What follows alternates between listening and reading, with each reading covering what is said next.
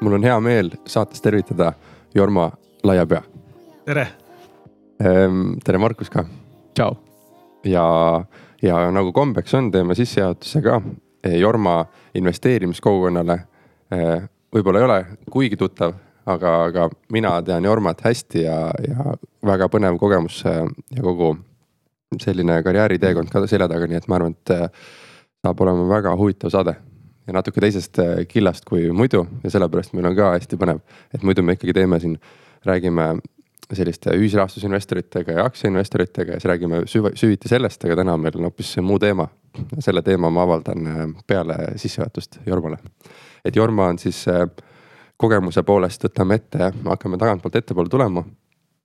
aastal tuhat üheksasada üheksakümmend kaheksa kuni kaks tuhat üks Hansapangas äriarenduse juht telefonipanganduse ja klienditoe osakonna juht, et erinevaid ameteid seal.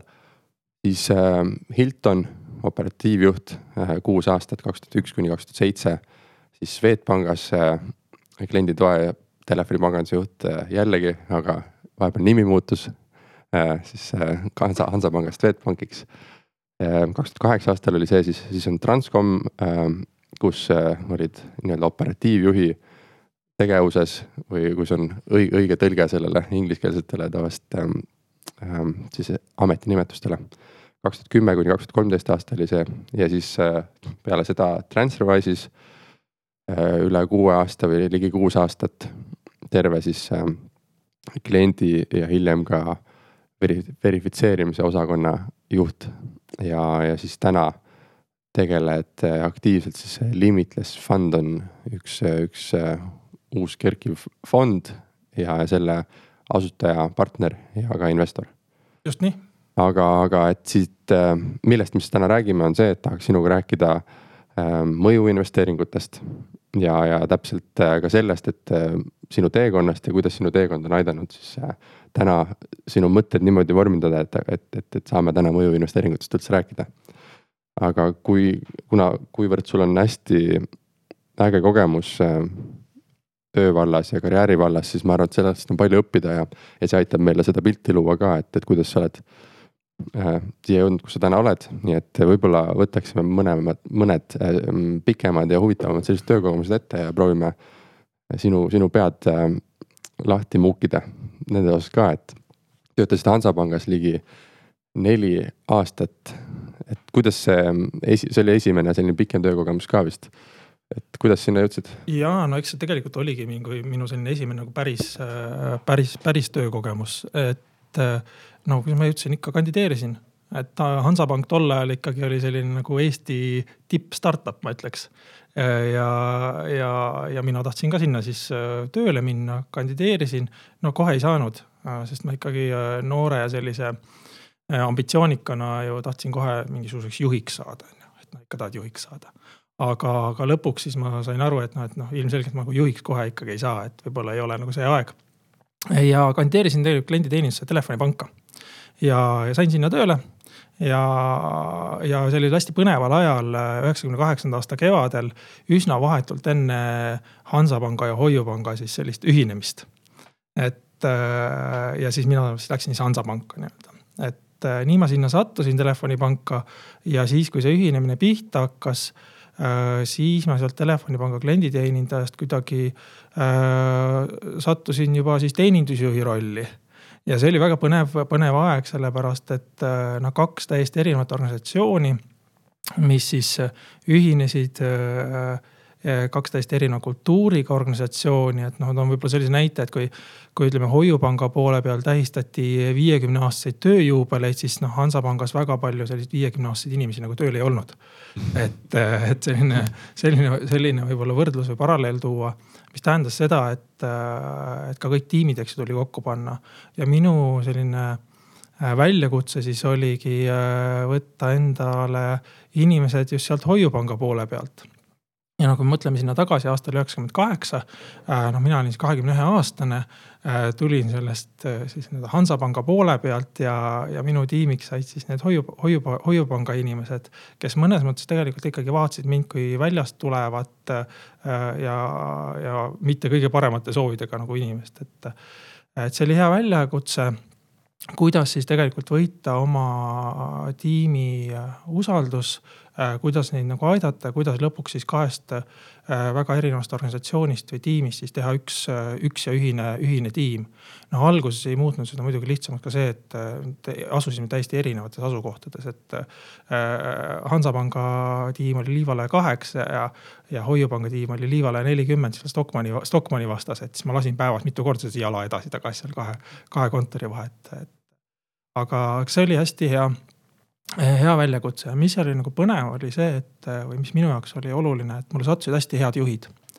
et minu juht siis seal Telefonipanga ajal oli Mati Pruul, kes hiljem siis oma tiimiga ehitas tegelikult esimese Eesti tõelise nagu internetipanga ehk Hansaneti et hästi nagu inspireeriv inimene minu jaoks tol ajal ja kes, kes mind usaldas, kes andis mulle täiesti nagu ilma filtrita tagasisidet, kui seda oli vaja, et noh, vahel oli väga valus küll, onju, aga, aga aitas.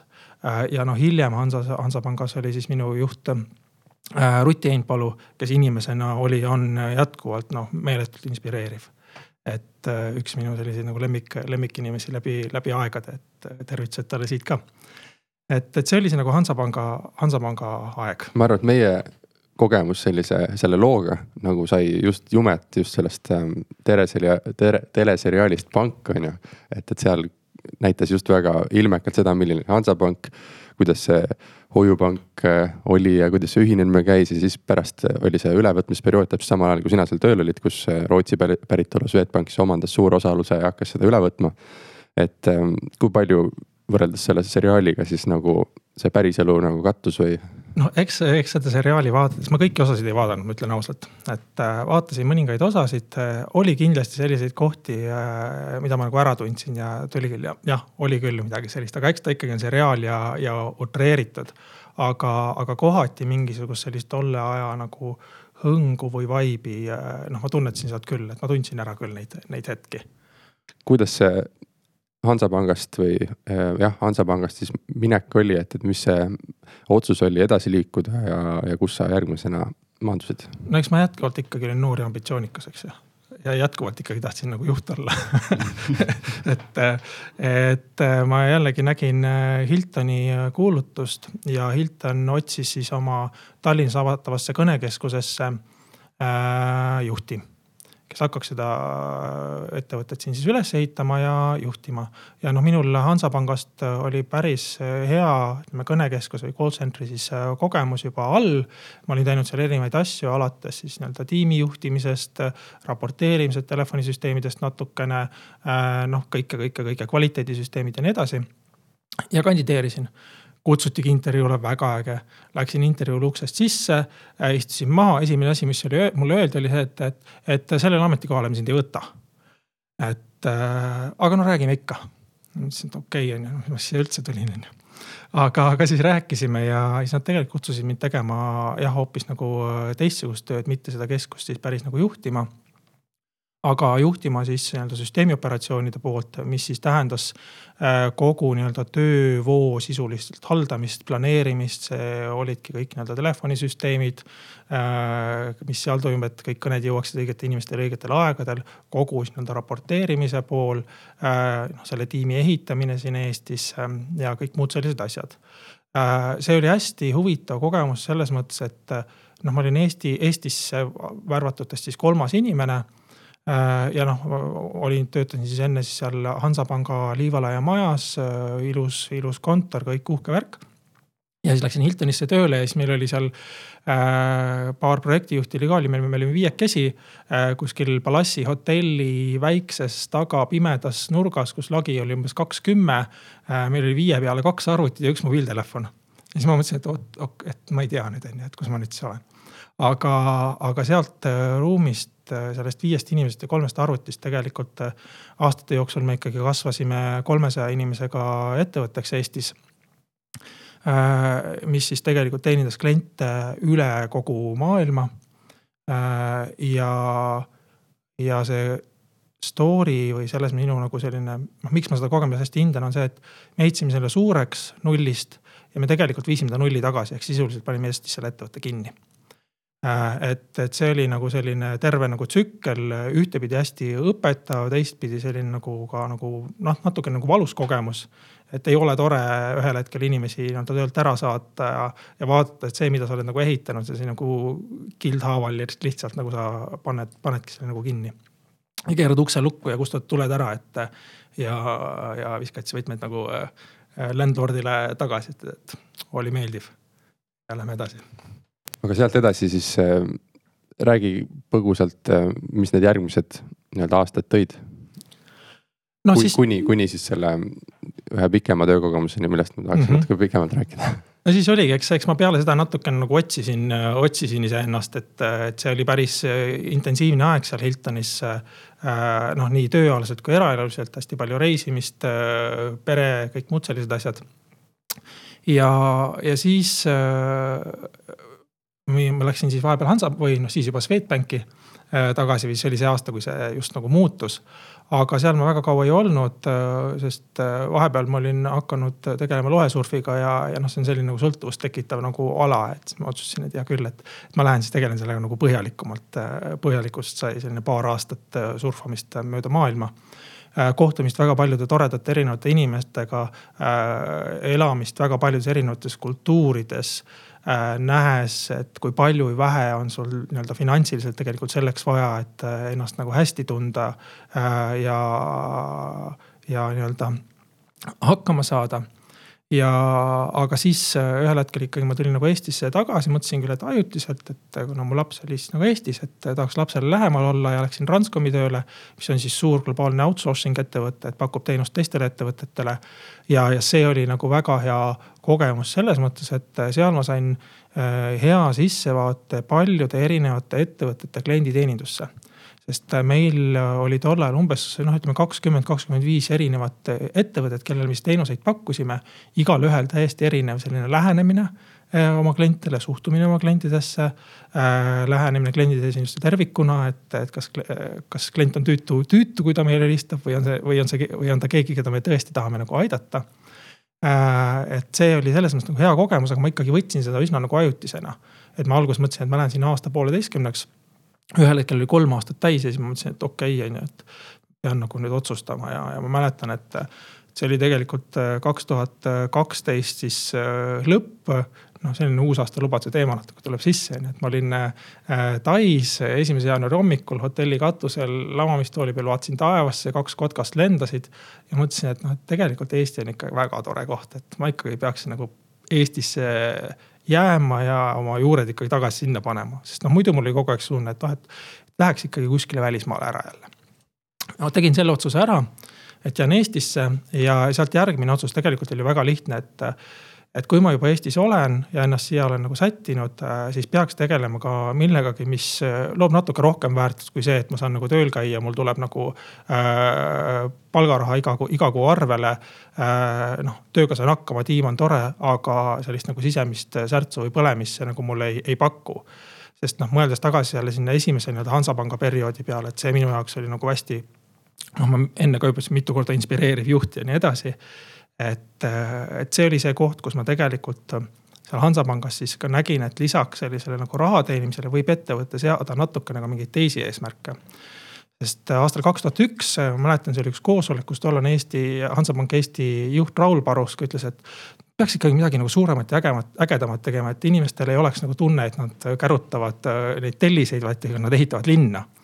ja tegelikult sealt sai alguse selline asi nagu Vaata maailma mis siis äh, viis nii-öelda interneti ja arvutid kõikidesse Eesti raamatukogudesse. sinna taha tulid kõik teised Eesti äh, suuremad pangad, äh, telekomi ettevõtted. ja ma arvan, et noh, noh, see oli nagu hästi võimas näha, kuidas kuskilt äriettevõtte sees võib tekkida selline initsiatiiv ja missioon, mis ma arvan, tänaseks on Eestile väga-väga palju andnud, et. ma usun, et tänased paljud eh, nii-öelda IT-tegijad oma esimesed nagu klahvi klõbistamised tegidki sealsamas kuskil külaraamatukogus eh, nende, nende arvuti taga, mis siis pangad olid sinna, sinna toimetanud. kas ma võin küsida selle ehm, reisimise ehm, just olulise, olulisuse koht, olulisuse kohta, et, ehm, et me noh tööelu ehitame üles küll, aga kui tähtis on vahepeal käia Eestist väljas, näha, mis teised inimesed teevad ja, ja seal aega veeta, et, et sina oled nagu mitmeid aastaid välismaal olnud ja kas see on tulnud kasuks?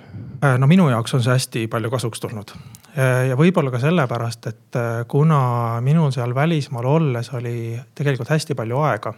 sest loesurfi juures üks suur asi on tuule ootamine. tähendab, et sa oled rannas ja ootad tuult ja see tähendab seda, et sul on hästi palju aega ka mõelda omi mõtteid, aga samas äh, mõelda ja, ja arutada ja filosofeerida ka teiste inimestega, kes seal rannas on.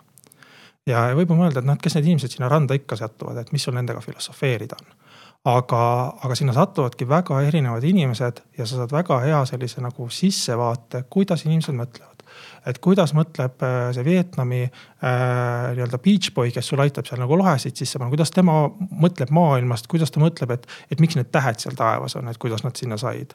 ja siis teisel pool istub sul äh, New Yorgi äh, hedge funder, eks ju, et mismoodi tema maailma näeb et seal saavad kokku väga-väga erinevad maailmad, mida me oma igapäevases elus väga harva kogeme. sest me tegelikult suhtleme oma sellises nagu väga kitsas kihis. aga seal mul oli võimalus näha sisse äh, erinevate inimeste nagu maailma ja, ja mõista siis neid erinevaid vaatepunkte. et see on see, mida mulle see, ütleme, reisimine on, on andnud. ma tahaksin järgmisena küsida sinu käest äh, sinu järgmise sellise suure kogemuse kohta, mis, äh, mis toimus siis või mille sa omandasid siis kõik Transferwise'is.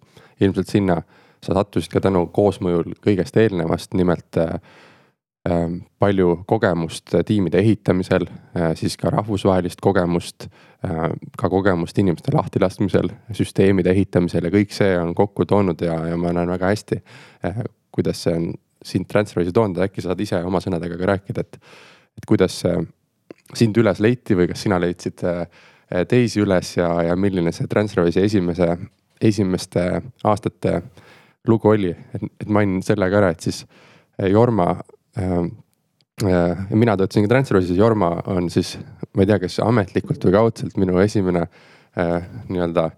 ma ei tea, kuidas me ütlesime Transferwise'is, aga nii-öelda boss, esimene boss või tema võttis mind tööle, põhimõtteliselt tema tegi selle otsuse lõpuks äh, koos teiste tiimiliikmetega ja, ja, ja mina sain oma esimesed kogemused siis Jormalt, nii et nii et mul on põnev kuulda mm -hmm. neid esimesi, esimesi aastate lugusid siis jah, et eh, noh, nagu ma ütlesin, et siis ma otsustasin, et peaks midagi rohkem sellist nagu enda jaoks olulist ka nagu tegema ja, ja siis ma hakkasin Rengo ringi vaatama ja, ja tegelikult eh, ütleme sellise startup'i maailma suhtes ma olin üsna skeptiline. et seal palju ikkagi oli sellist nagu mulli, raha põletamist ja seda poolt ja see kuidagi nagu ei haakinud minuga. aga Transferwise'i ma olin siis nagu ka poole silmaga kuskilt jälginud, uudistest aeg-ajalt käis läbi ja tundus, et, et seal täitsa on nagu mingit sisu ja siis äh, ühel päeval vaatasin Facebookis, keegi jagas jälle mingit töökuulutust, oh, et Transfer otsib äh, klienditeeninduse inimesi. ega mul väga vahet ei olnud, mis rolli ma nagu sinna lähen, et äh, saatsin siis oma CV, see oli vist nagu. kas klienditeeninduse process lead või mingi selline positsioon oli nagu välja pandud. ja kandideerisin siis sellele positsioonile ja ja, ja ilma mitte kedagi nagu Ransoris tundmata, et ei noh, Eesti on küll nagu väike, aga noh, minu töö oli valdavalt suunatud Eestist väljapoole, et mul sellist nagu kohalikku network'i sisuliselt nagu ei, ei, ei olnud, on ju. ja kandideerisin, kutsutigi vestlusele ja siis noh, nagu Transferis ikka neid vestluseid oli seal päris mitu ja mõned olid sellised mitmetunnised, mitmetunnised telefonikõned seal Kristoga ja ja Krista Taavetiga siis kohtumised ja siis nad äh, kutsusid mind äh, hoopiski seda klienditeeninduse tiimi nii-öelda juhtima või siis üles ehitama. et äh, noh, mille ma rõõmuga nagu vastu võtsin, sest, sest ma nägin, et me kuidagi nagu väärtuste kontekstis me klappisime. ma nägin, et, et mul on Transferwise'is võimalik kasutada seda, mida ma olen nagu varem kogenud ja õppinud, kas siis läbi vigade või, või läbi edulugude ja, ja teha asju võib-olla ka natuke nagu teistmoodi, võib-olla natuke ka idealistlikult mõnes mõttes, mis äh, suurtes korporatsioonides noh, ei ol-, ei olnud äh, võimalik olnud, aga Transferwise'is oli et mäletan, äh, lihtsalt lisan juurde, võib-olla on inimestel huvitav kuulata, et, et mina Jormaga siis tegin Skype'i kõne, kui ma tööle kandideerisin, siis, siis me rääkisime vähemalt poolest tunnist rääkisime, viisteist minutit rääkisime surfamisest. Et Jarmo oli siis lohesurfitund ja mina olin Portugalis niisama surfitund ja siis see oli nagu üks hea, hea koht, et ei tea, võib-olla sai, oli üks otsuse koht seal, et äh, ei, see surfamine ei olnud otsuse koht.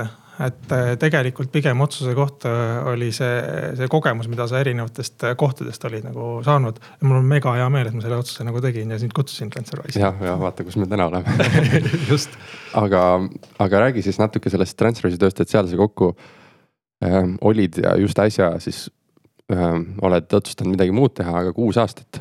et, et mis need ähm, ja, ja tegelikult tuleb ära nimetada ka seda, et, et et kas, kas sa ise tood välja, et kui suuri tiime sa tegelikult üles ehitasid ja lõpuks juhtisid, et see ei ole nagu, äh, see on ikkagi pallipargi võrra suurem, suurem äh, ettevõtmine kui, äh, kui ühe või kahe tiimi juhtimine, et jah, no ma, ma nagu ei pea seda ilmtingimata nii, nii oluliseks, need tiimide suurused, et ma arvan, et mis seal oli hea oli, et mul õnnestus leida väga head inimesed alguses, kellega me koos neid tiime, tiime ehitasime, jah ühel hetkel lihtsalt, ma arvan, et maksimaalselt oli võib-olla kuskil kuuesaja inimese ringis, kes siis nii-öelda ühte või teistpidi siis minuga kokku nii-öelda minu, minu maailma kuulusid äh, otseselt läbi siis erinevate juhtimistasandite. Et äh, ja kui ma läksin, eks siis äh,, siis oli seal klienditeeninduses oli umbes kuus inimest. et noh, kuuest, kuuest suja, kuuesaja peale, et, äh, et see oli noh, see on suur, suur number, seal taga on nagu meeletult suur töö paljude-paljude inimeste poole pealt. ja, ja noh, täna see töö tegelikult jätkub. ja noh, need inimesed, kes siis seal olid sel ajal, kui mina olin, nemad nüüd jätkavad tegelikult ja, ja neil läheb nagu väga hästi, et mul on väga hea nagu kõrvalt, kõrvalt nüüd, nüüd vaadata, et kuidas edasi paugutatakse. mis on selline suurem vahe siis tehnoloogia ettevõtte töökultuuris ja, ja see, kuidas see ettevõte areneb versus sinu eelmiste kogemustega, et, et mis, mis sa õppinud oled? Äh, see kasvukiirus tegelikult et ühtepidi küll jah, ka Hiltonis me pidime väga kiiresti selle tiimi kasvatama sellise kolmesaja inimese peale siin Eestis. aga, aga see oli nagu üks tiim, kogu muu selline taustsüsteem tegelikult suures korporatiivses organisatsioonis on sul paigas, alustades sealt mingist personaliteemadest, kus ja kuhu iganes nagu välja, tehnoloogiast ka aga kui sa oled selles kiiresti kasvavas nagu äh, tehnoloogiaettevõttes, siis kõik valdkonnad arenevad nagu meeletu kiirusega. ja, ja see on suur erinevus ja, ja see võtab nagu päris palju, see annab päris palju. ja, ja üks selline no võib-olla natuke nagu selline ohukoht, mida ma seal nagu näen, on see, et sageli ettevõte kasvab tegelikult kiiremini, kui inimesed suudavad nagu areneda sest noh, inimeste areng toimub teatud kiirusega, jah, seda saab kiirendada. aga kui sul on sada inimest koos, kes mingit ühte suurt asja kiiresti arenevad, noh siis see võimendub, on ju.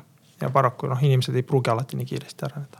just see arengukiirus, ma arvan, kõige suurem erinevus, arengukiirus, kiirus üle kõikide erinevate valdkondade kui nüüd vaadata tagasi kogu nendele kogemustele ähm,, siis millised on need kaasa võetud väärtused või põhimõtted äh,? ja, ja milline on neist olnud selline kõige suurem mõjuga töökoht? et väärtuste põhimõtete all siis mõtlen seda, et, et, et sa varem rääkisime ka sellest, et, et hea on alati olla või omada siis äh, tööandja aktsiaid, et olla selline omaniku tundega seal sees, mitte lihtsalt äh, oodata palgatšekki ja et, et ähm,, et ma võib-olla küsingi eraldi siis, et räägime alguses mhm. sellest ähm, Äh, tööandja nii-öelda aktsiate omamisest ja, ja mis, mis mõte, mõtted see sul äh, sinus siis vorpinud on?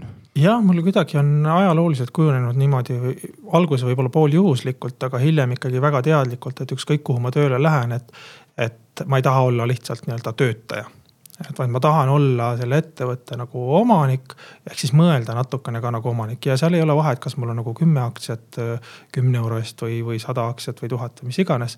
noh, see on lihtsalt see, see fakt, et ma olen selle ettevõtte nagu omanik. ehk siis ja mis see minu jaoks nagu tähendab, on see, et, et kui ma mingid ootused siis seal nii-öelda töötajana ettevõttele sean, siis kellele ma need ootused tegelikult sean, ma sean need ootused, eks ju, iseendale et, et ma ei looda, et noh, et nüüd tehtagu, oldagu, mindagu. vaid see küsimus põrkab ju mulle tagasi kui siis nii-öelda ettevõtte omanikule. ja see sunnib tegelikult sind ennast võtma nagu ka rohkem vastutust äh, selle eest ühtepidi, et noh, mida sa ootad, aga teiselt poolt ka seda, mida sa nagu panustad et see ongi see nagu see ettevõtjaks olemise tunne, et mul endal ei ole sellist nagu noh, otseselt nagu ettevõtte, ettevõtja soont on ju, et ma asutan oma ettevõtte ja teen. aga jah, kõikides ettevõtetes, kus ma olen olnud, et ma tahan olla ikkagi sellise nagu omaniku tundega seal sees ja sa ütlesid ka, et hiljem oli see välja formuleerunud, siis see mõte sinu, sinu peas, et kas sa siis tegid äh, tööalaseid otsuseid nagu või tööle mineku otsuseid ka sellega, et, et, et tööintervjuudes läbi rääkida seda, et. et kas seal on see võimalus saada, osta aktsiaid või, või antakse Äh, optsioone? no õnneks enamus ettevõtteid on olnud kõik äh, avalikud ettevõtted, kus ma olen töötanud. Ainus, mis ei olnud siis avalik, oli, oli Transferwise ja, ja Transferwise siis äh, nii-öelda startup'ina pakkus optsiooniprogrammi. ma ei ole üldiselt selline, kes nagu äh, hakkab äh, väga suuri nagu kauplemist tegema, et, et ma arvan seda, et. et kui ettevõte näeb, mida ma väärt olen, siis nad annavad mulle ka väärilise tasu.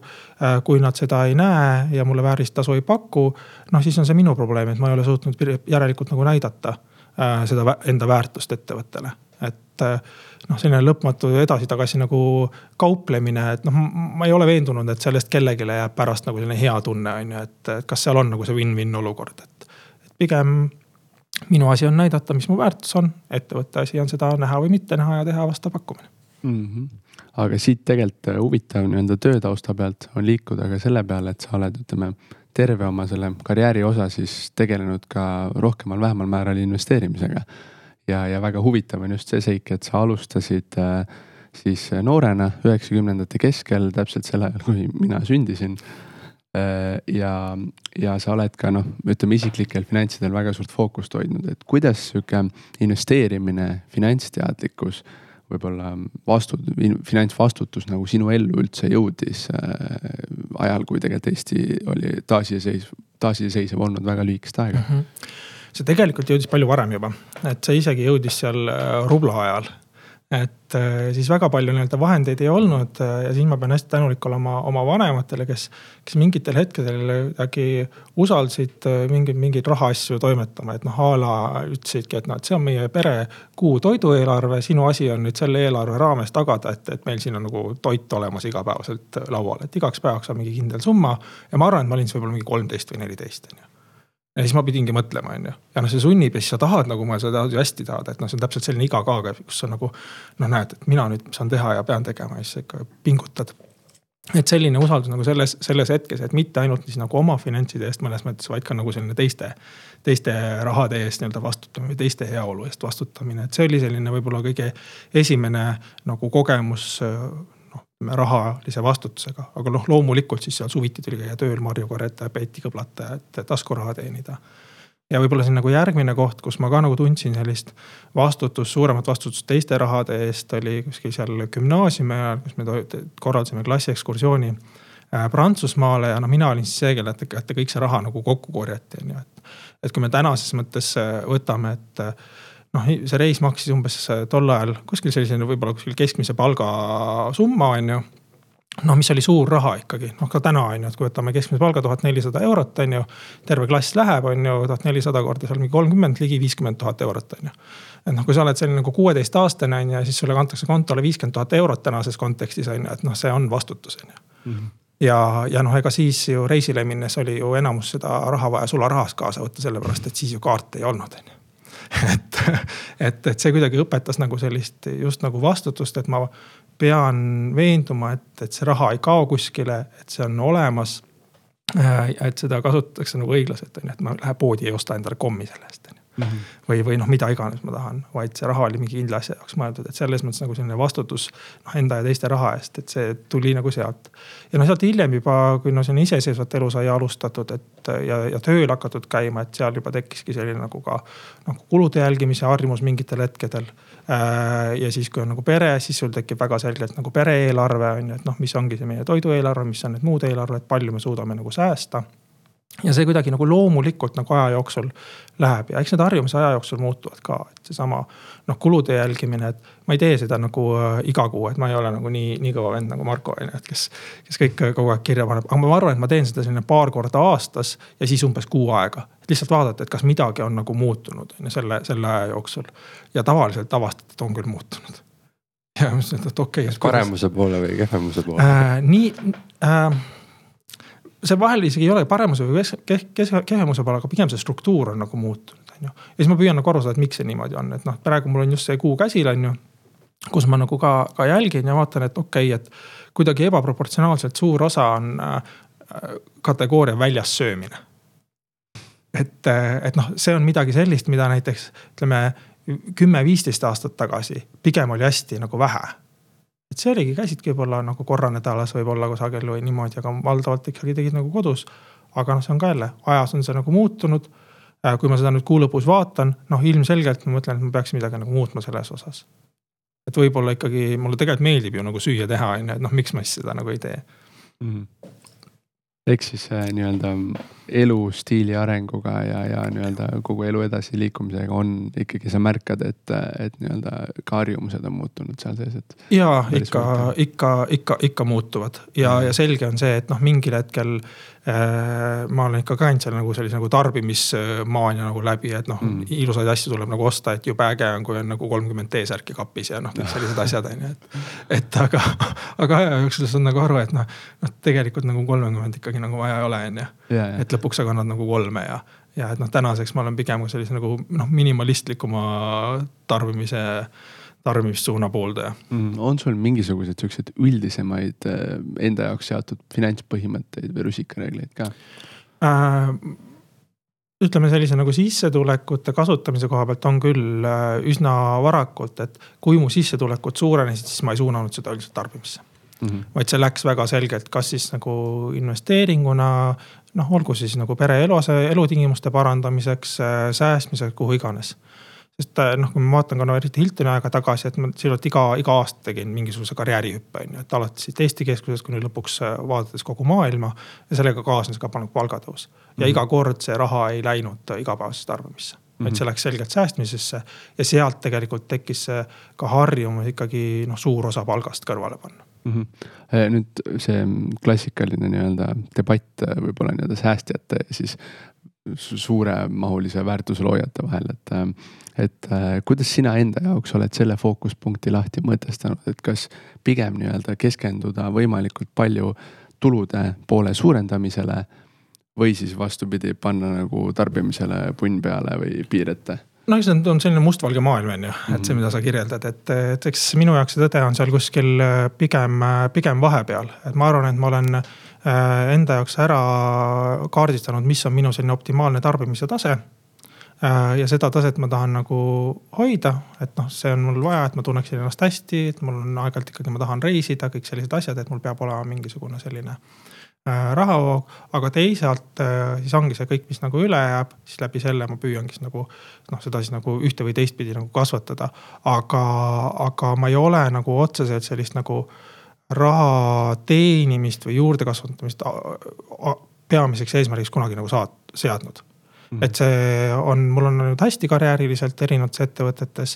aga see on pigem tulnud nagu sellest, et ma olen lihtsalt panustanud äh, nendesse rollidesse, mitte piiranud ennast ametijuhendi või rollinimetusega, vaid noh, tulistanud äh, täiega äh, selleks, et noh, minul, olles siis nende ettevõtete nagu aktsionär on ju. Mhm. et mul noh, omanikuna paned ikkagi nagu täiega on ju. Võib-olla siis ka hea enda mõte siit, et kel vähegi võimalik, et kui ettevõte, kus te töötate, on võimalik osta aktsiaid, noh, börsil noteeritud ettevõte, siis kindlasti teha seda, et siis kohe Mindshift. ja ma, ma soovitan isegi kasvõi selle koha pealt, et see aitab aru saada ka, et kuidas need börsid otsapidi nagu toimivad, sest kui sa oled ettevõtte sees, siis sul on mingisugune informatsioon, sa näed, kuidas asjad liiguvad. ja siis sa kõrvalt näed, et mis nagu turul nagu toimub mm. -hmm. ja no vahel need käivad nagu käsikäes, aga mitte alati mm. -hmm et, et see on jälle selline nagu börsiettevõtete nagu toimimise loogikast natukene aru saada, on nagu väga kasulik neid äh, oma ettevõtte aktsiaid ka omada. Mm.. aga siis äh, liikudes siit veel rohkem edasi, võib-olla fokusseeritud su investeerimiskogemustele. et äh, sul on mitmeid äh, põnevaid kogemusi siis erinevate äh, siin meediast rohkem-vähem läbi käinud teemadega seoses, sa ise kutsud neid war story deks et äh, äkki äh, avame neid siis võib-olla põgusalt, et äh, kõige esimene sihukene kogemus, mis, millest me siin enne ka rääkisime omavahel, et erastamisväärtpaberite eest siis sai vanasti nii mõndagi, et mis sa seal täpselt tegid ja mis kogemused sealt tulid sulle? sai jah, see oli, see oli hästi põnev, ma arvan, et see oli aasta umbes kas üheksakümmend kuus või üheksakümmend seitse, et noh, jälle ma olin siis mingi kahekümne, üheksateist aastane, kahekümne aastane ja ja erastamisväärtpaberid, et võib-olla nooremad kuulajad ei tea, olid sellised asjad, mis siis Eesti Vabariik andis kõikidele oma inimestele vastavalt siis nende töötatud aastatele, mingitele muudele asjadele või kellelt oli vara ära võetud selle kompensatsiooniks. et siis inimesed saaksid eelkõige siis erastada omaenda eluasemeid ja sealt tegelikult tekkisid siis Eesti nii-öelda kõik need korteriomanikud on ju, et kes siis erastasid ära need nõukogudeaegsed äh, korterid, kus nad elasid.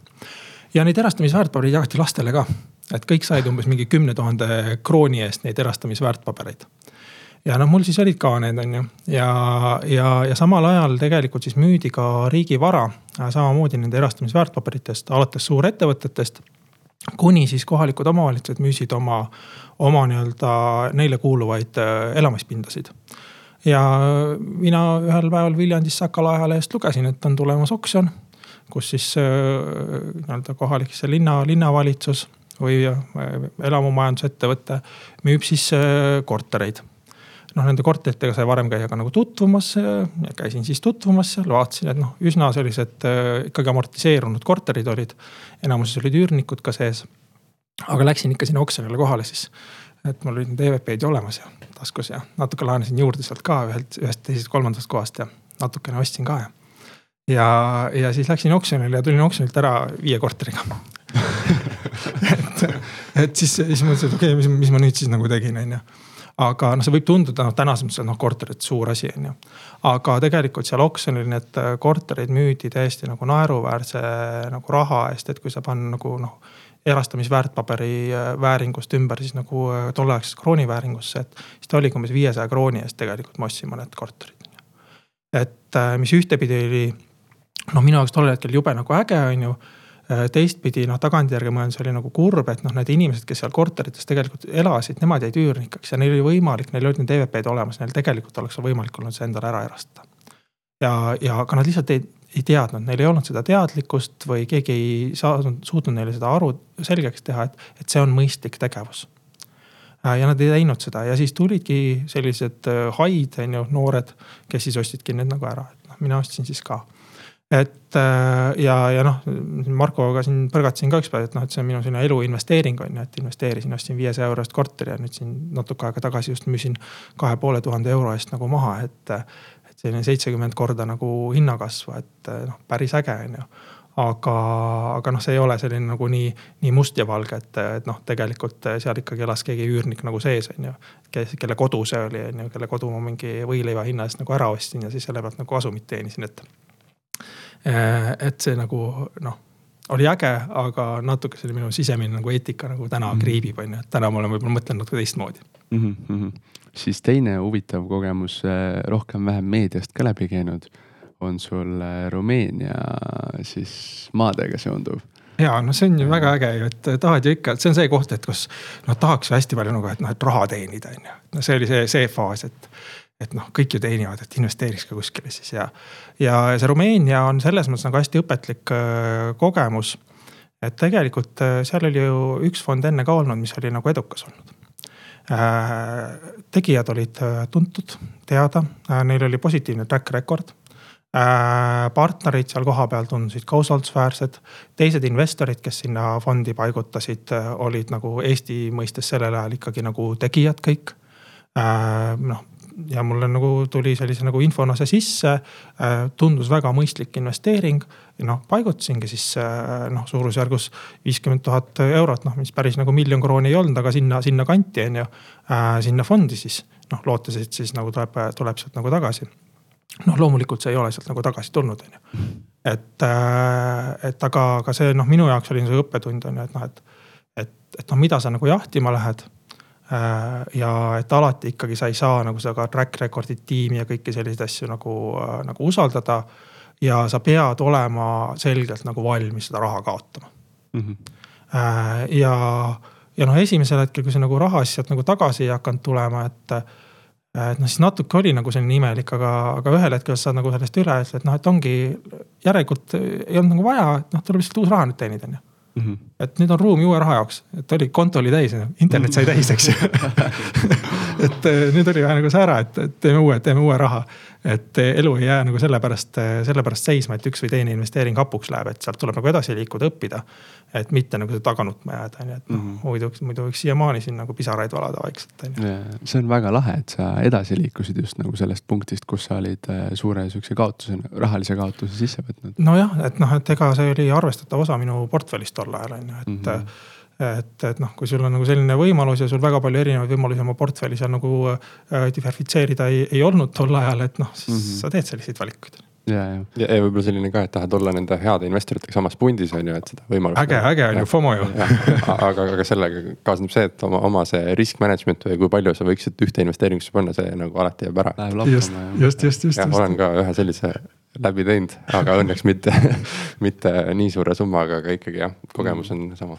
Väga lahe, siis äh, samuti sa oled natukene proovinud erinevaid kauplemiskogemusi, sealt saanud häid õppetunde ja, ja siis nii-öelda samas ka ostu siis äh, sihukest keskmistamist või, või seda valdkonda mm -hmm. nii-öelda teinud, et, et mis on sihukesed peamised avastused või õppetunnid äh, nagu nendest, nende kahe märksõnaga seonduvalt? jah, alustaks sellest äh, kauplemisest, et, et noh, see oli mingi periood, kus mul jälle natuke oli rohkem nagu aega ja siis mõtlesin, et noh, et talv oli ka ja pime ja, ja õhtuti ei olnud midagi nagu teha, et siis mõtlesin, et noh, et tundub huvitav on ju ja siis püüdsin ennast nagu ka kurssi viia ja, ja vaatasin, jälgisin igasuguseid candlestick'e ja, ja mustreid ja trende ja, ja nii edasi ja ja, ja toimetasin seal siis natukene, aga siis ühel hetkel tuli mingid teised tegemised peale, siis vaatasin, et noh, nädal aega ei olnud nagu vaadanud, on ju, ja siis mingid positsioonid olid kuskil seal lahti ja.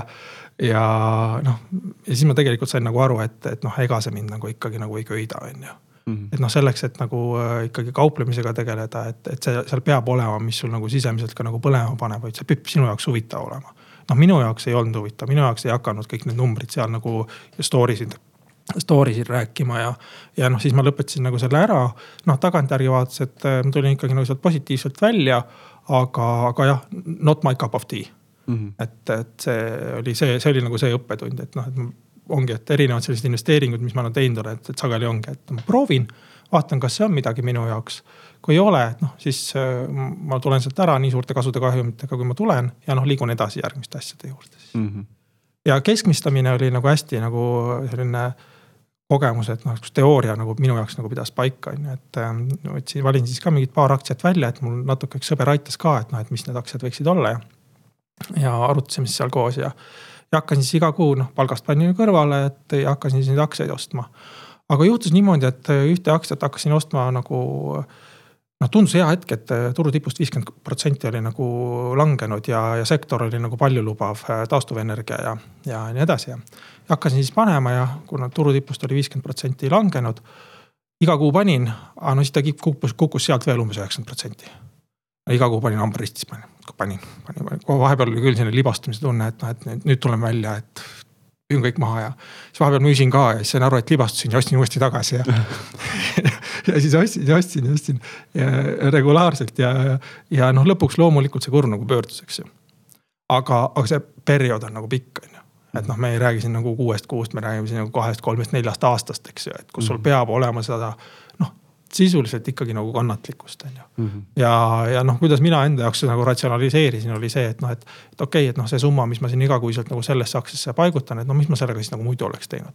no oleks käinud nagu peol mingid korrad või kuskil, ma ei tea, restoranis või, või niisama nagu ära tarbinud, on ju, et noh, et parem ma nagu ei tarbi, on ju, et isegi kui ta seal nagu ära põleb, aga vähemalt ma siis nagu ei, ei tarbi nagu mõttetult mingeid asju mm. -hmm. aga noh, lõpuks jah, see pöördus positiivseks ja noh, minu jaoks oli nagu hea kogemus, et mm -hmm. tuleb kannatada ka vahel.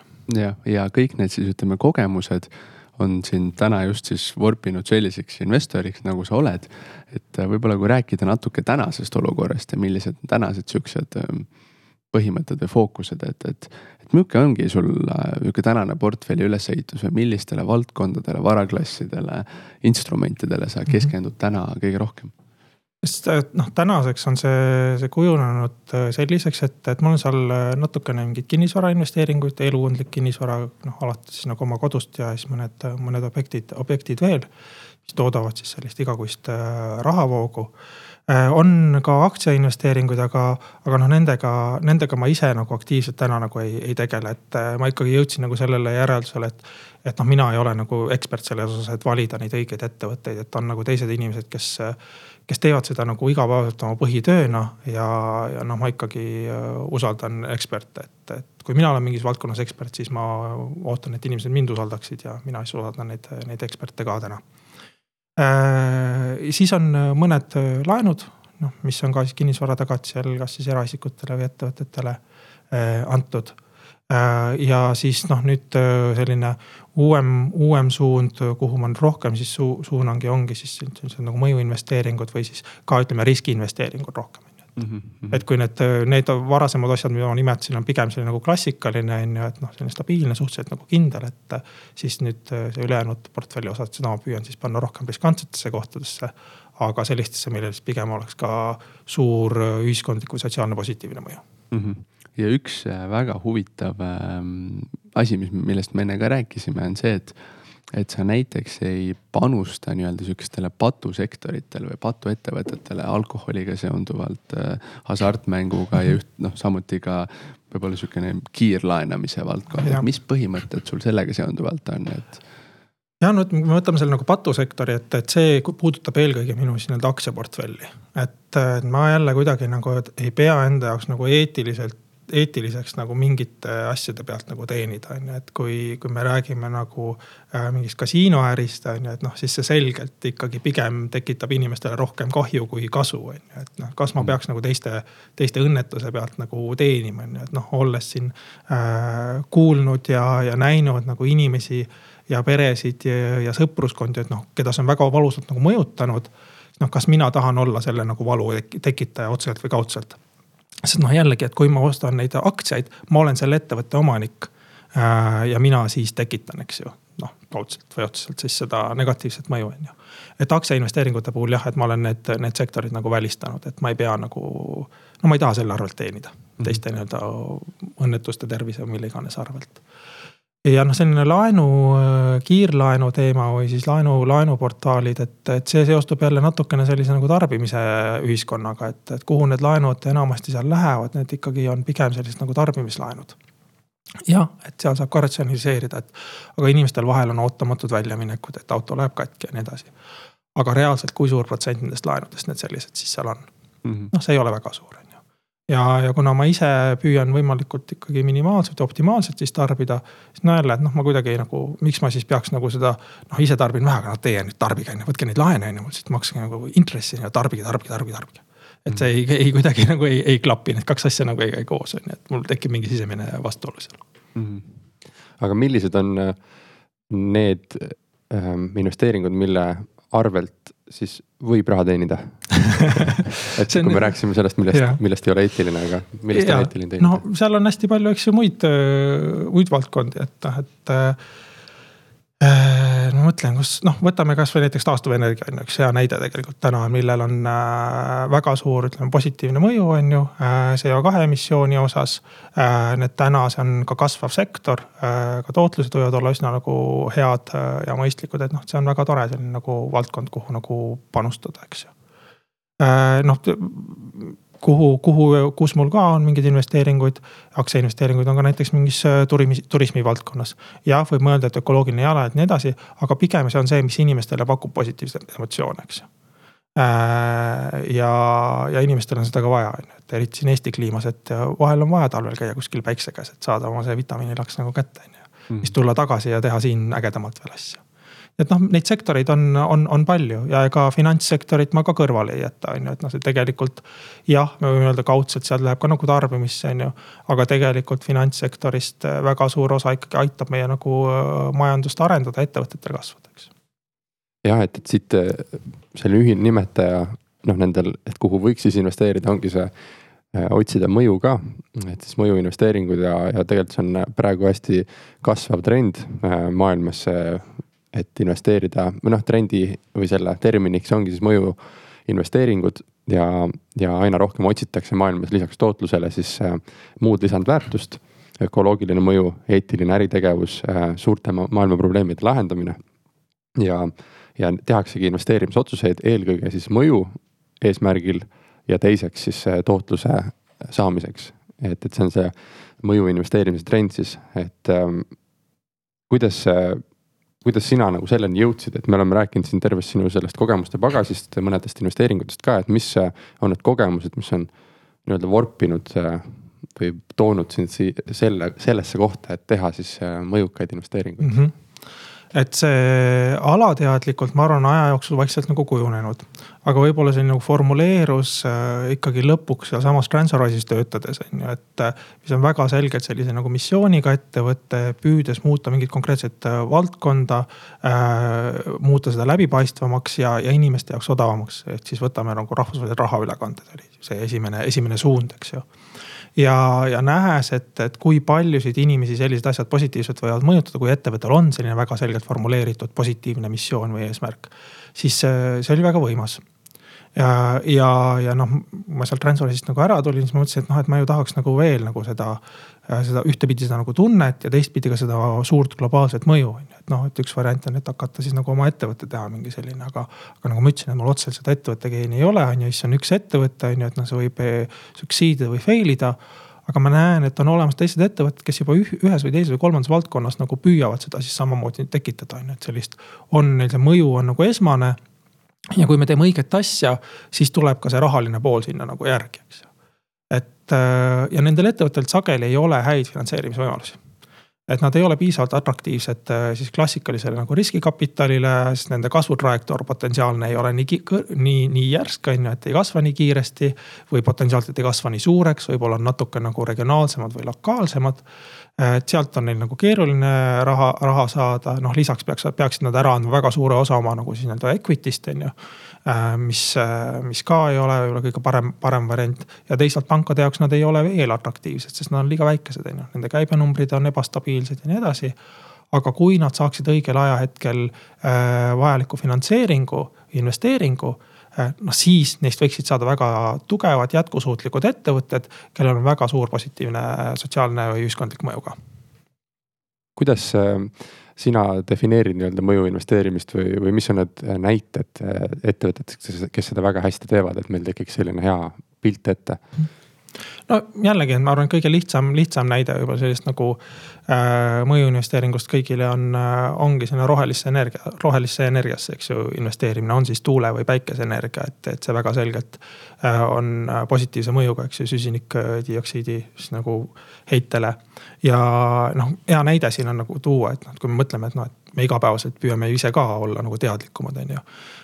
Süüa vähem liha võib-olla, sõita rohkem ühistranspordiga ja nii edasi aga see oli vist äh, Nordea pank tegi mingi sellise nagu analüüsi või uuringu, et noh, kui, mis see mõju siis nagu on, on ju, lõi siiski seal kokku, et. kui sa sööd liha üks kord nädalas näiteks, äh, sõidad ühis, ühistranspordiga, oled kaks tundi vähem või kaks minutit vähem duši all ja miskit seal veel.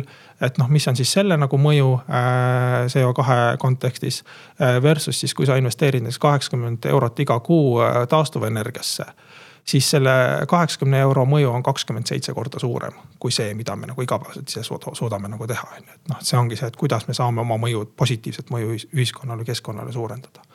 et äh, tehes ise häid asju, aga samas aidates ka no, siis nagu teisi, teisi teha neid asju veel rohkem ja suuremas, suuremas skaalas.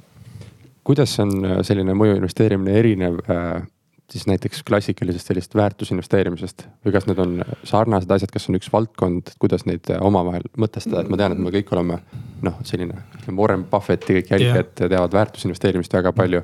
siis me oleme aina rohkem rääkinud riskikapitalist nagu riski investeerimisest. ja nüüd on see definitsioon mõju investeerimine, et kuidas nüüd võrrelda? noh, ütleme niimoodi, et mõjuinvesteering võib olla väärtusinvesteering, aga väärtusinvesteering ei pruugi olla mõjuinvesteering sest nii-öelda väärtus, väärtusinvesteeringutes, ka seal võivad olla nii-öelda need patusektorid, eks ju, sees on ju. Äh, nad lihtsalt ei, nii-öelda see väärtus, millega seda aktsiat saad osta, noh ei vasta sellele, mis ta tegelik väärtus on, on ju, kui selle ära tabad, on hästi, on ju aga ütleme seal mõju investeerimissektoris kindlasti nagu patusektorit ei ole, on ju. ja teine pool on see, et mõjuettevõtete esmane eesmärk ei ole kasumi maksimeerimine. mõjuettevõtete esmane eesmärk on, on mõju maksimeerimine kui me posi-, positsioneerime näiteks noh, organisatsioonid sellisele skaalale, et kus ühel pool on siis klassikalised äh, mittetulundusühingud, kes ainult panustavadki, et ainult tuleks nagu head. ja teisel pool siis on ettevõtted, kes panustavad nii-öelda kasumi maksimeerimisele, eks ju. siis, siis need mõjuettevõtted on kuskil seal vahepeal äh,. Neil peab olema jätkusuutlik ärimudel, aga samas nende peamine eesmärk on just see positiivne mõju ühiskonnale või keskkonnale. kuidas äh sina siis täna oled selles noh, et me tõime välja, et Limitless fond on, on fondi nimi, et räägi natuke sellest, kuidas algus sai. kellega sa seda teed, mis te teete, kõik nagu see huvitav osa selle osas. just, sai alguse väga sellisest nii-öelda praktilisest vajadusest tegelikult. et äh, ühtepidi Marge Maidla, keda sa ka väga hästi tead ja kellega me Transferwise'is koos töötasime, et tema äh, juhtis siin Eesti sotsiaalsete ettevõtete võrgustikku. ja kevadel kutsus siis mind ja mõned teised inimesed veel sinna mõtteid põrgatama, et kuidas me saaksime neid ettevõtteid siis aidata kiiremini kasvada, areneda, äh, saada suuremaks ja siis seda mõju ka suurendada ja, ja kaardistasime neid probleeme ja, ja see üks probleem tuligi sama see rahastamise küsimus, eks ju, et noh, ei ole head investeerimislahendust, mis aitaks nendel ettevõtetel kasvada. ja, ja, ja noh, siis otsustasime, et noh, me peame selle probleemi siis ära lahendama. ja, ja nii siis jõudsimegi selle Limitless fondini, mis siis peaks aitama leida siin investeeringuid just nendele ettevõtetele, kellel see mõju on primaarne. aga neil on ka jätkusuutlik nagu ärimudel noh, minu enda jaoks on see hästi oluline, sest noh, see võimaldab minu investeeringuid siis paigutada nagu erinevatesse nendesse äh, varajase faasi ettevõtetesse, et mul endal üksinda kahjuks nagu nii palju võimekust ei ole, on ju, et ma võiksin panna igale poole anda mingi märkimisväärse summa, on ju, et, et, et see aitaks neil kasvada, võib-olla ma saan nagu ühte panna, on ju aga läbi fondi ja läbi kaasates nagu teisi, teisi sarnase mõtteviisiga investoreid on meil võimalik aidata päris paljusid ettevõtteid. ja noh, läbi selle noh, minu isiklik nagu egotrip on nagu see, et ma saan nagu oma sellist positiivset mõju äh, sotsiaalselt ühiskonda, ühiskonnale suurendada. et see on suhteliselt sarnane selline riski kapitali või riskiinvesteeringutele, aga üks tegur, millega valideerida või otsida neid ettevõtteid on kindlasti see, et, et noh, peamine tegur on see, et, et neil oleks äh, otsene siis positiivne mõju. Nad, nad, nad peaks, see, see suund peab olema, et nad teevad seda selleks, et see positiivne mõju oleks, eks ju. et, et kui me võtame noh, palju teisi ettevõtteid, kelle tegevusel noh, kes ka üritavad pigem nagu oma negatiivset mõju näiteks vähendada, eks ju et see on nagu selline nagu leviv trend, et vaatame, et noh, mis on iga sellise ka avaliku ettevõtte carbon footprint ja nii edasi, on ju, ja ka Eesti startup'id on kokku tulnud, öelnud, et me tahame nagu vähendada. aga noh, kui see pool neilt ära võtta, nende äri ikkagi toimiks nagu edasi, eks ju. aga sellisel mõjuettevõttel, kui see mõju eesmärk ära võtta, siis tegelikult ei ole ka seda äri, on ju. et see ongi suunatud konkreetselt selle mõju äh, kasvatamisele. ma küsiks võib-olla siia vahele sellise asja, et kuidas sa nagu valideerid või hindad seda mõju või ütleme, seda nagu enda jaoks ära tõestad. et noh, ütleme, kui finantse vaadata, sul on konkreetselt number, kasum, käive, mis iganes korras on ju, aga see mõju, et eh, noh, ta on mõneti sihukene kvalitatiivne sihuke lugu, narratiiv, jutt, eks ole, et. et tegelikult võib-olla päeva lõpuks sa ei pruugi sisse näha selle ettevõtte süsteemidesse või põhimõtetesse, kuidas ta nagu tegelikult toimetab, et. et milliseid siukseid mõtte, mõtteid sa ise selles rakendada et kuidas sa seda mõju nagu mhm. valideerid enda jaoks? see on hästi hea küsimus ja siin võib-olla noh, tooks nagu sellise võrdluse või näite, et, et täna jah, on kõiki neid finantsnumbreid hästi lihtne nagu võtta ja, ja arvutid kõik arvutavad automaatselt välja, klõpsust võtta. aga võta kakskümmend või kolmkümmend või nelikümmend aastat tagasi, on ju, et kui palju vaeva tuli selleks teha, et nagu ühte ettevõtet tegelikult nagu analüüsida, on ju mm. -hmm. selle mõju poole pealt me oleme enam-vähem selles kohas täna, on ju, et kus, kus äh, selline finantsanalüüs oligi seal kümneid aastaid tagasi Mm -hmm. et seda on võimalik teha, seda on võimalik muuta, aga täna see on selline ajamahukas ja ka keerukas ja siin ongi erinevad organisatsioonid tegelikult üritavad nüüd leida viise, kuidas seda lihtsustada ja ka automatiseerida, et, et seda oleks sama lihtne kätte saada nagu sellist nagu finantsanalüüsi täna on ju, et mm. -hmm. et see on võimalik äh, see sektoriti on erinev, et seal ei ole ühe mütsiga ei saa lüüa, on ju, et mõnes sektoris võtame näiteks meditsiini või, või tervisesektori, eks ju Äh, siis seal on võimalik väga selgelt panna see nii-öelda säästetud inimeludesse. noh, ka mingites teistes valdkondades on see mingid näiteks liiklusega seotud tegevused samamoodi on ju, et kui me suudame liiklusõnnetuste arvu vähendada. see on väga selgelt seotud äh, inimeste nii-öelda eludega, nende tervisega, sealt äh, juba nii-öelda kuludega ühiskonnale ja nii edasi, nii edasi, nii edasi, et see on mõõdetav täna ta on natuke nagu keeruline, aga noh, meie läheneme siis seal Limitless fondis on see, et kui meie ettevõte meie portfelli tuleb, äh, meil on ka mõju hindamise eksperdid nagu tiimis olemas, kellega koos me siis aitame leida kõige parema viisi, kuidas selle konkreetse ettevõtte mõju siis hinnata mm. -hmm. jah, et äh, mäletan, et käisin äh, koos äh, või sotsia- äh,, sotsiaalsete ettevõtete võrgustik äh, see oli vist kolm-neli aastat tagasi, äh, korraldas Itaalias sellise workshopi nädala ajas, kus oligi, et hinna, kuidas mõõta impact'i siis või mõju käisin, osalesin seal ka, siis need äh, oligi, et, et äh, mis meie õppisime, on see, et, et väga paljudel organisatsioonidel täna nagu saab hinnata seda kvalitatiivselt. ehk sa saadad välja küsimustikud ja siis sa hindad oma klientidel seda küsimustikku ja siis sa pärast analüüsid selle kvalitatiivsed vastused kõik kokku ja siis saad nagu trendi sealt.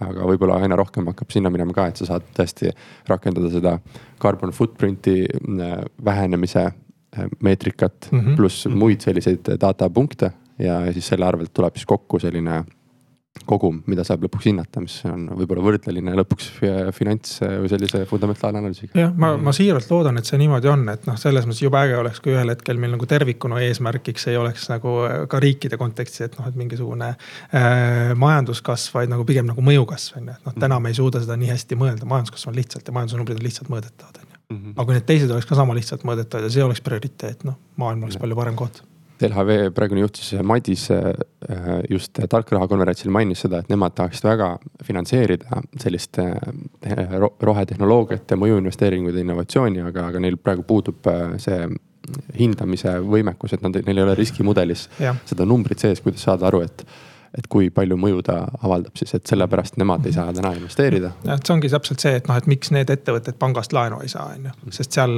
Exceli tabelis ei ole seda kohta, see ei ole üks-üheselt ei kandu sinna. aga noh, tegelikult täna ikkagi ka jaeinvestoritel on äh, ligipääs olemas äh, sellistesse investeeringutesse, et on tekkimas platvormid. noh, näiteks Trine, eks ju, Rootsi platvorm, äh, läbi mille siis saab noh, ka väikeste summadega investeerida ka päikesepaneelide paigaldusse, noh päikesepaneeli laenudesse sisuliselt, eks ju ju. et noh, minu jaoks see on palju parem variant kui tarbimislaenudesse investeerimine, on ju. ja mhm. tootlus võib-olla on samaväärne, aga samas mõju on, on väga-väga suur ja positiivne. et neid platvorme tekib aga kui me siin maalähedaseks, maalähedasemaks proovime seda teemat tuua, et, et millised on Eestis äh, need ettevõtted praegu, ähm, kes juba selles suunas liiguvad, kas meil on mingeid näiteid siin oma koduturult mm? -hmm. on, äh, on ikka, et kui me, kui me mõtleme siis nagu äh, neid ettevõtteid, mida võib-olla kõik teised nagu inimesed rohkem nagu teavad. mis ei ole küll väga suured, on ju, aga nad tegelikult on mõjuettevõtted.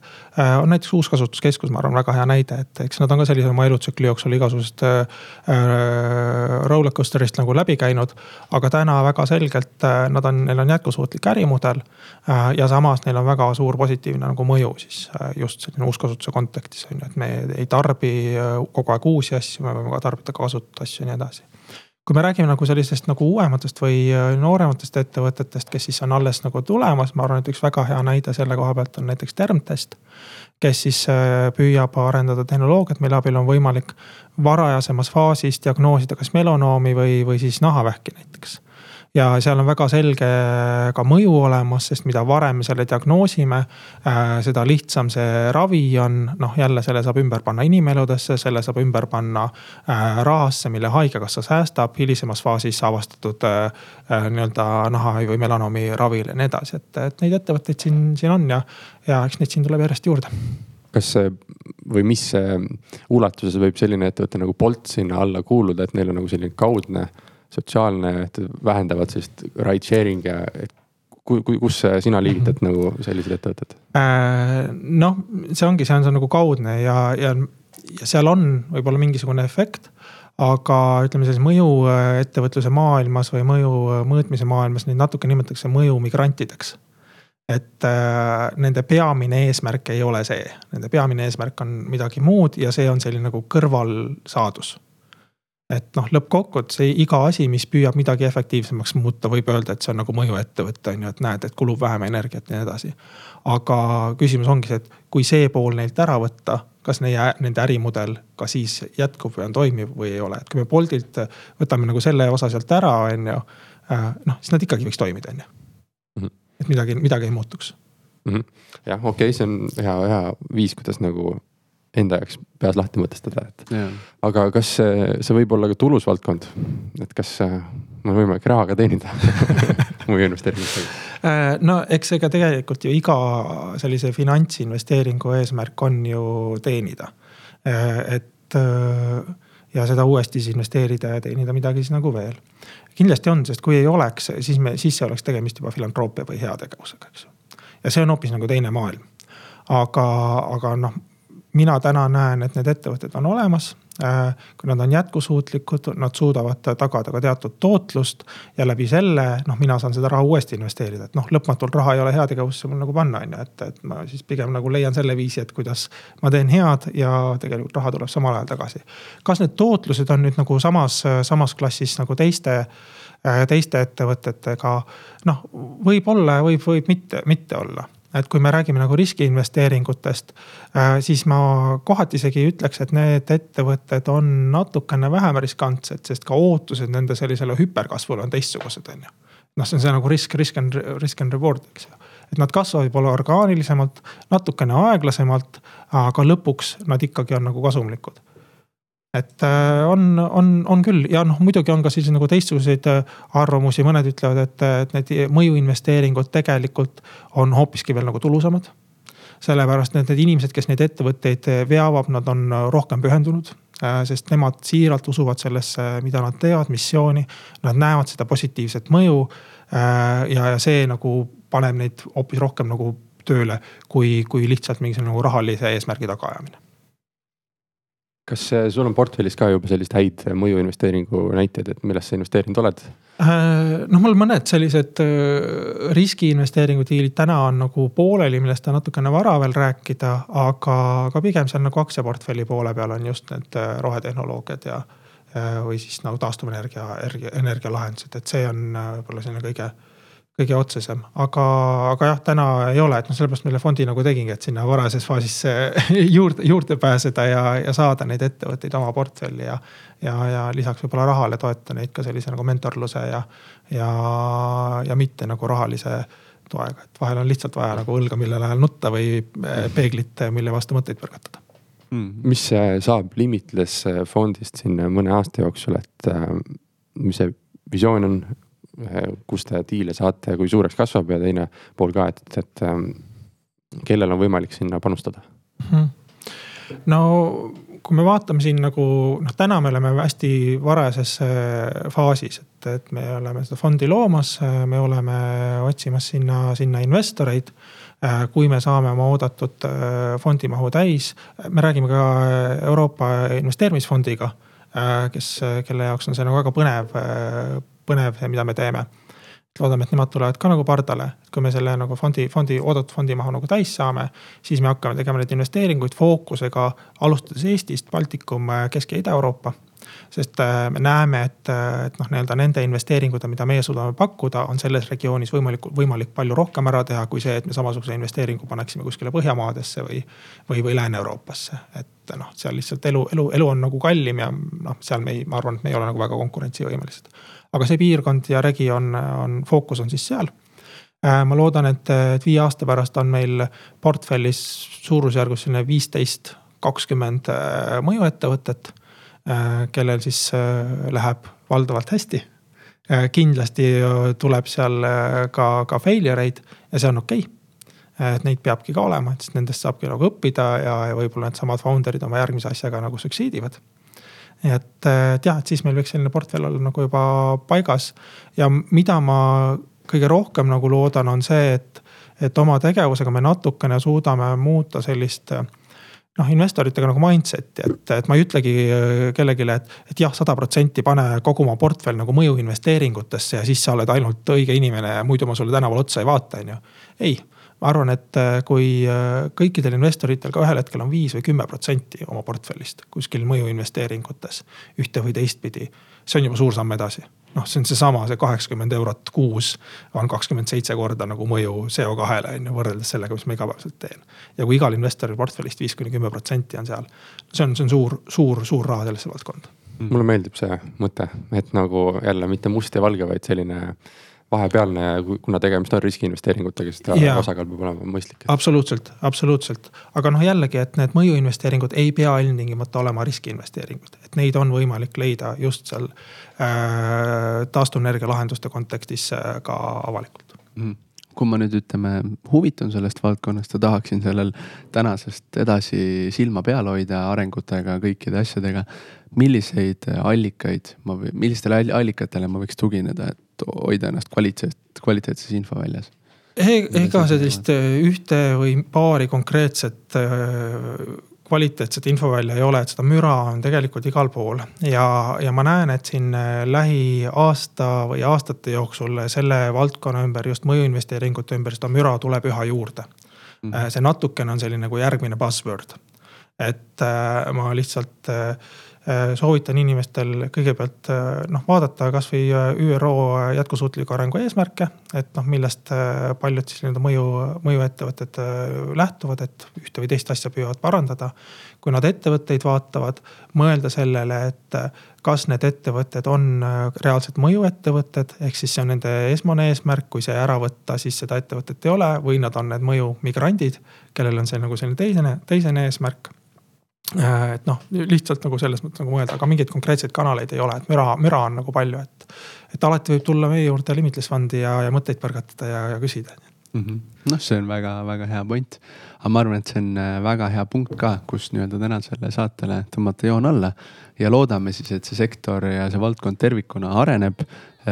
ja, ja et siis hinna-kasumissuhetele tekiks meil juurde ka hind jagatud, ma ei tea, säästetud inimelu kohta näiteks on ju, et, et siuksed mille järgi ettevõtteid siis panna ritta nende mõju järgi. vot, aga igal juhul Jorma, aitäh sulle tutvustamast valdkonda, uut valdkonda, täiesti minu jaoks põnevat. ja, ja Marko, mis mõtted sul on lõpetuseks? jah, et üldse tänud, et, et tulid, aja võtsid ja oma inspireerivat sellist lugu ja teekonda oled rääkinud. et, et sinu jaoks kindlasti ma kujutan ette, et on see noh, et sa oled seda teinud juba aastaid, sa tead, mis sa teinud oled, sinu jaoks on standard, aga kui ma siit kõrvalt kuulasin, siis nii mitmes kohas tekkis tunne, et, et, et see on nagu väga inspireeriv, väga kasulik äh, mõte, mis sa andsid ja sa oled osanud äh,, sa oskad oma mõtteid niimoodi jagada ka, et. et igalühel, igal asjal on mingi järeldus ja, ja õppetund ja inimestele ka, nii et äh, väga hea viis, kuidas äh, tutvustada, nii et äh, ma olen igati tänulik, et sa tulid ja, ja teeme siis äh, mõjukamaid investeeringuid. just. jah vot just nii, aga aitäh teile ka ja oli, oli väga meeldiv, nii et mõjukamalt edasi. jah, järgmiste kohtumisteni